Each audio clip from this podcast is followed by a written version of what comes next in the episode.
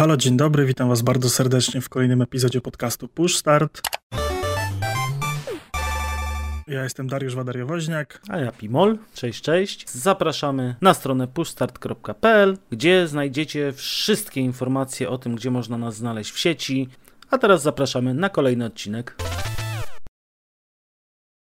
Oczekiwania na rok 2022, część druga, seriale i filmy.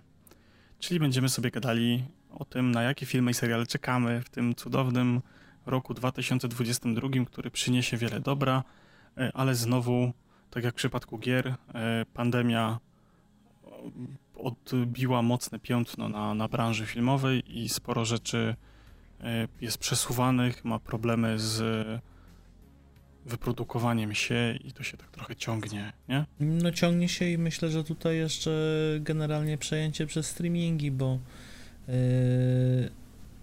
dużo produkcji pojawia się dużo szybciej właśnie na streamingach niż to by miało miejsce wcześniej.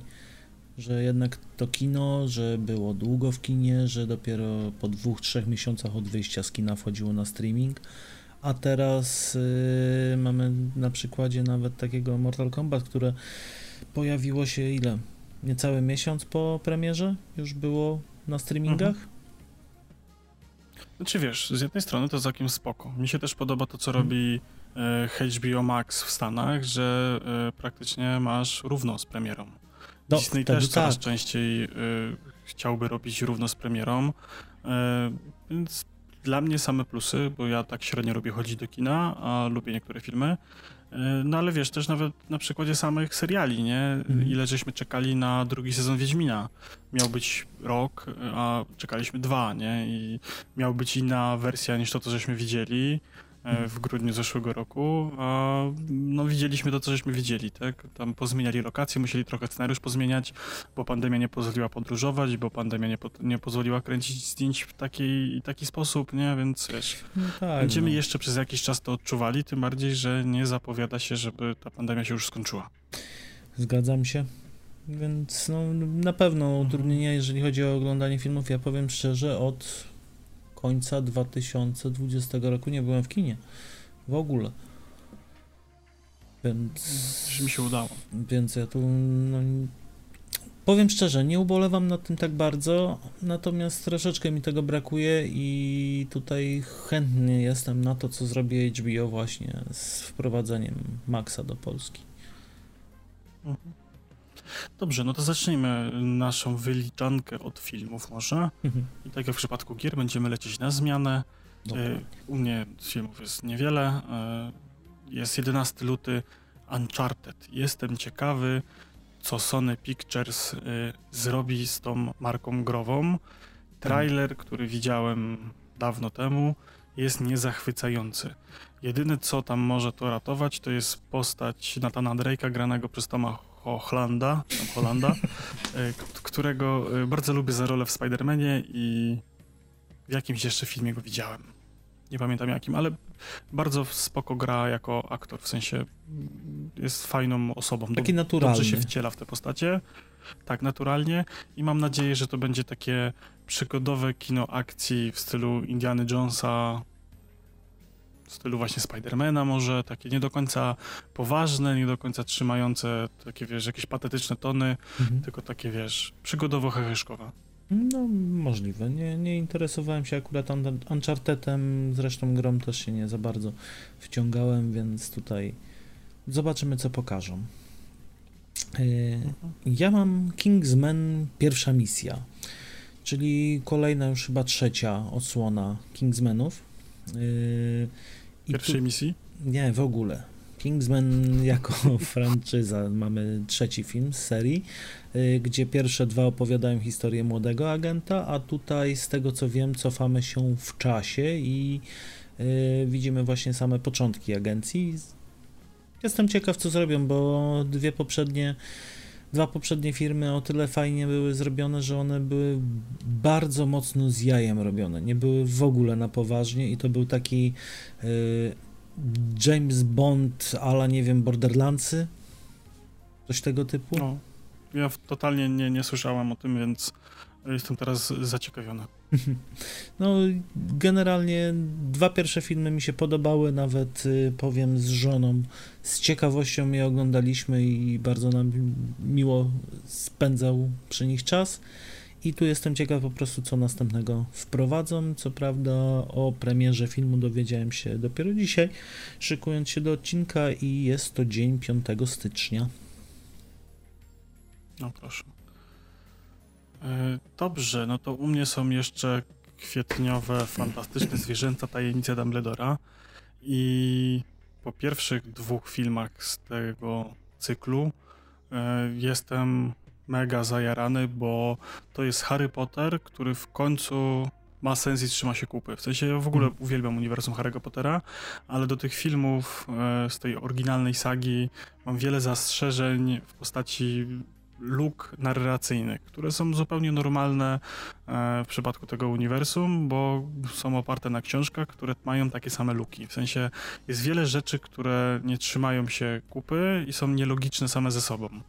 E, na przykład ostatnio oglądałem filmik o inflacji w Harry Potterze i o wartości pieniądza, która jest totalnie bez sensu, nie? W sensie to, to nie ma prawa działać, e, bo za 4 funty można kupić jednego galeona, a jeden galeon to jest jedna uncja złota.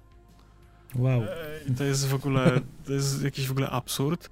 I ten y, galeon na prze, w przeciągu chyba na przestrzeni trzech filmów, trzech książek zmienia wartość od takiego, że za dwa galeony można było kupić e, całą wyprawkę do szkoły dla jednego dziecka, czy dla wszystkich dzieci z rodziny Wesleyów. Tam ich chyba czwórka chodziła do Hogwartu w tym momencie. Piątka? I cała wyprawka kosztowała, e, znaczy w momencie, w którym była podana cena mhm. bodajże dwóch galeonów. No, no. E, że, za, że za dwa galony na, na, na same podręczniki dla wszystkich pójdzie, a y, trzy części później cukierek jest warty dwa, dwa galeony, nie? Więc... No okej. Okay. E, no więc tam jest dużo, jest dużo takiej nieścisłości w tym świecie, a fantastyczne zwierzęta, mam wrażenie, bardziej pilnują tego uniwersum, bardziej starają się tłumaczyć te wszystkie głupotki w taki sposób, że tam jakieś prawo czarodziejów, wiesz, tam takie bardziej poważne rzeczy. No zresztą widz też dorósł. Ludzie wychowani na Harry Potterze mają teraz po 30 parę lat, więc y, te filmy też są bardziej takie starsze trochę, nie? Tam się więcej dzieje takich poważnych rozkmin, e, jakiś bardziej się tłumaczy te rzeczy i to tak bardziej ma sens. I, no i myślę, że jako no, bardziej dojrzały lubię, widz lubię. zwracasz na inne rzeczy trochę uwagę niż jako dzieciak oglądałeś mhm. Harry'ego Pottera, no to myślę, że w tamtych czasach nie, nie zastanawiałeś się, dlaczego w pierwszej części dwa galeony wystarczyły na wszystkie książki, a trzy lata później wystarczyło no na cukierka. Więc no. no właśnie, tak, tak, tak właśnie jest. Więc myślę, że to, ale też yy, fajnie, że tu wspomniałeś o tym tytule, bo nawet nie wiedziałem, że jest w produkcji i że już niedługo się pojawi. Więc też, też... Jedyny zarzut do tego filmu mam taki, że z roli Gwin Grindelwalda został wyrzucony Johnny Depp e, za to, że go biła żona. No, ale znaczy, myślę, że on ze wszystkich, ze wszystkich znaczy... produkcji wyleciał wtedy i to była no taka gruba sprawa, więc tu nie ma się co do niego tak naprawdę tak. czepiać. Znaczy nie, wiesz, ja się nie czepiam do Johnnego Deppa, bo on koniec mhm. końców został uniewinniony i oczyszczony z zarzutów i wyszło, że to nie on bił żonę, tylko żona biła jego. To nie zmienia faktu, że za czym został wydany wyrok sądowy, to jego wywalili ze wszystkiego i, i trochę chłopu zniszczyli karierę, a bardzo go lubię jako aktora i we wszystkie role, w które się wciela uważam, że jest genialny. I tutaj podmianka aktora, bo, bo Johnny Depp był zły, jest dla mnie trochę smutna. W sensie no, no, ja to... rozmawialiśmy o tym, że nie powinno się linczować człowieka, za czym zapadnie ostateczny wyrok. Nie? I Pewnie. to mi jest trochę smutno, bo bardzo mi się podobał w tej roli. Ja też, ja, ja, też y, bardzo cenię Depa właśnie za wszystkie jego role tak naprawdę i też mi bardzo smutno, ale przechodzimy dalej, żeby nie przedłużać. Y, teraz możecie się ze mnie śmiać, że jestem zdzieciniały i mam 5 lat. Natomiast y, czekam na Sing 2 czyli tak naprawdę animacje mhm. tutaj z Universal Studio i z y, Illumination Enterpre Entertainment, y, czyli tak naprawdę... Nie wiem, nie wiem o czym mówisz w ogóle. To więc... są studia, Universal Studio na pewno. ja wiem, nie, no. w, sensie, w sensie ominęło mnie, czym jest Sync, więc... Sync? Nie, nie wiesz, czym jest Sync? O matko, jedyna. Nie, to jest nie. historia tak naprawdę Misia Koali, który prowadził teatr, zbankrutował i tam pewne perypetie spowodowały, że zebrał grupę, Mam Talent zrobił, zebrał grupę śpiewająco-taneczną y, i oczywiście Happy End i odbudował, to taki spoiler, jeżeli chodzi o pierwszą część. Natomiast mamy po prostu kontynuację perypetii jego i tej ekipy, którą udało mu się zebrać e, talentów. I tak naprawdę jadą tutaj do wielkiej wytwórni i robią właśnie coś na zasadzie mam talent, tyle że już takim prawdziwym telewizji i wiesz, pokazaniem co, co tam ma mhm. być i jak ma to wyglądać i ma to zarobić miliony. Czy, na, czy coś na zasadzie brydują. E, nie, mniejsza z tym, o czym to najlepiej sobie obejrzeć, zobaczyć, natomiast y, jest to generalnie animacja przeznaczona dla dzieci, natomiast y, jak to większość animacji ma fajną przesłankę, fajny morał i do mnie przemawia, mi się to podoba, zwłaszcza, że jest dużo śpiewania, dużo tańca. Jest to fajnie zrobione, mhm. fajnie Fajna historyjka. I 7 okay. stycznia możemy no to, to ja zobaczyć, tak dodam. Dobra, no to ja czekam jeszcze na grudzień, na Awatara 2. O, proszę. Czekam na niego z dwóch powodów. Raz, że mam olbrzymi sentyment do Awatara, mhm. a druga kwestia, bardzo mi się spodobało przedstawienie świata te 11-12 lat temu e, w tym awatarze pierwszym i Szkoda, że tak długo musieliśmy na niego czekać. Mam nadzieję, że ten okres oczekiwania nie zabije y, marki, bo, bo jest, bo no, to, jest fajna, no kurczę, jest fajna. Cameron robi dobre filmy, liczę, że nie zawiedzie tym razem. No ja się tylko obawiam, żeby nie zrobił powtórki tego, co przy jedynce, czyli bardzo trywialnej fabuły i historii. Natomiast jak najbardziej trzymam kciuki za ten film. Y, no dobrze, no to też y, kolejny film ala dzieciństwo. Y, tutaj 17 y, czerwca teoretycznie w Polsce. Y, Bazastral, czyli historia naszego baza z tej story, tyle że pokazana w tak z tej strony, z której on sobie to wyobrażał, że się dzieje. Nie jest pokazane jako zabawka, tylko jest pokazane jako faktyczny astronauta, który gdzieś tam przybiera tą podróż międzyplanetarną i ma swoje przygody i perypetie. Okej. Okay. Ja jakoś tej historii nigdy fanem nie byłem takim wielkim. W sensie pewnie obejrzę, jak wpadnie w jakiś streaming, mhm. bo, bo, bo, bo, obejrzę, bo lubię, ale żebym tak się hypował, to bym nie powiedział. Tym bardziej, że widziałem trailer i trochę mnie martwi stylistyka tego. Mhm. No, jest troszeczkę inna właśnie niż większość y, tutaj filmów y, Pixara ale mm, do mnie po mhm. prostu przemawia jako sentyment taki do tych y, filmów z dzieciństwa, bajek. Y, jestem ciekaw po prostu tego, co zrobią. Może nie jestem jakoś bardzo mocno nahypowany, ale jest to taka ciekawostka dla mnie i chciałbym zobaczyć. Oczywiście nie pójdę do kina na to, ale chciałbym po prostu, jak się pojawi właśnie w jakimś streamingu, to na pewno, na pewno obejrzeć. Mhm. Okej, okay, no to przejdźmy sobie płynnie do seriali. I z mojej perspektywy y, czekam, tak, że czekam, czekam. Jest bardzo mało produkcji, bo są tylko dwie na mojej liście. Ogólnie rzecz biorąc, czekam na dużo seriali, które będą miały premierę w, w tym roku. Z tym, że nie jest to jakieś takie oczekiwanie na zasadzie, że nie mogę się doczekać, że kiedy one będą. Mhm. Tylko na zasadzie wyjdą, to, to sobie pewnie obejrzę i będzie fajnie i, i czekam na jakieś nowe marki, czy na kontynuację jakichś starych seriali, ale najbardziej wyczekuję w tym roku e, Snowpiercera, kolejnego sezonu. 24 stycznia ma być premiera i czekam na niego dlatego, bo ten serial mi się mega wkręcił i jestem bardzo ciekawy tej historii i e, tak mocno się zakorzeniła w mojej głowie, że mam wrażenie, że poprzedni sezon e, skończył się raptem tydzień temu, a minął rok, nie? No, ten serial bardzo mocno zapada w pamięć. Ja też y, mam go u siebie na liście. Y, zwłaszcza, że wydaje mi się, że jest bardzo mocny y, cliffhanger tutaj na samym końcu tego trzeciego sezonu. Dru, drugiego? Drugiego sezonu. Drugiego. Drugiego. Mhm. Trzeci teraz będzie, więc też jestem bardzo, bardzo, bardzo mocno ciekaw i też podobnie jak y, ty, mam wrażenie, że dopiero co skończyłem oglądać poprzedni sezon, a tak naprawdę w ciągu trzech dni od premiery ostatniego odcinka go obejrzałem i od tamtego momentu w ogóle nie wracałem do niego, więc jest to na pewno serial, który mocno zapada w pamięć. E, mhm. Dobrze, tutaj e, ja mam też coś, e, ja mam też niewiele, bo tylko w sumie cztery pozycje razem ze Snowpiercerem i tutaj jako nie nieokrzesany fan cyberpunka jako gry i będę ją bronił, żeby była dobra w dalszym ciągu, czyli anime na podstawie, to znaczy może nie tyle na podstawie, co w uniwersum, czyli mamy Night City, mamy yy, to samo miasto, mamy ten sam okres mniej więcej, tylko inną historię, czyli Cyberpunk Edge Runners. Y, I historia tak naprawdę tworzona przez fanów cyberpunka i przez ludzi mocno współpracujących y, przy tworzeniu gry. Mhm. Z miłą chęcią pewnie też to obejrzę, ale no tak jak wspomniałem, nie czekam na to jakoś z wypiekami na twarzy.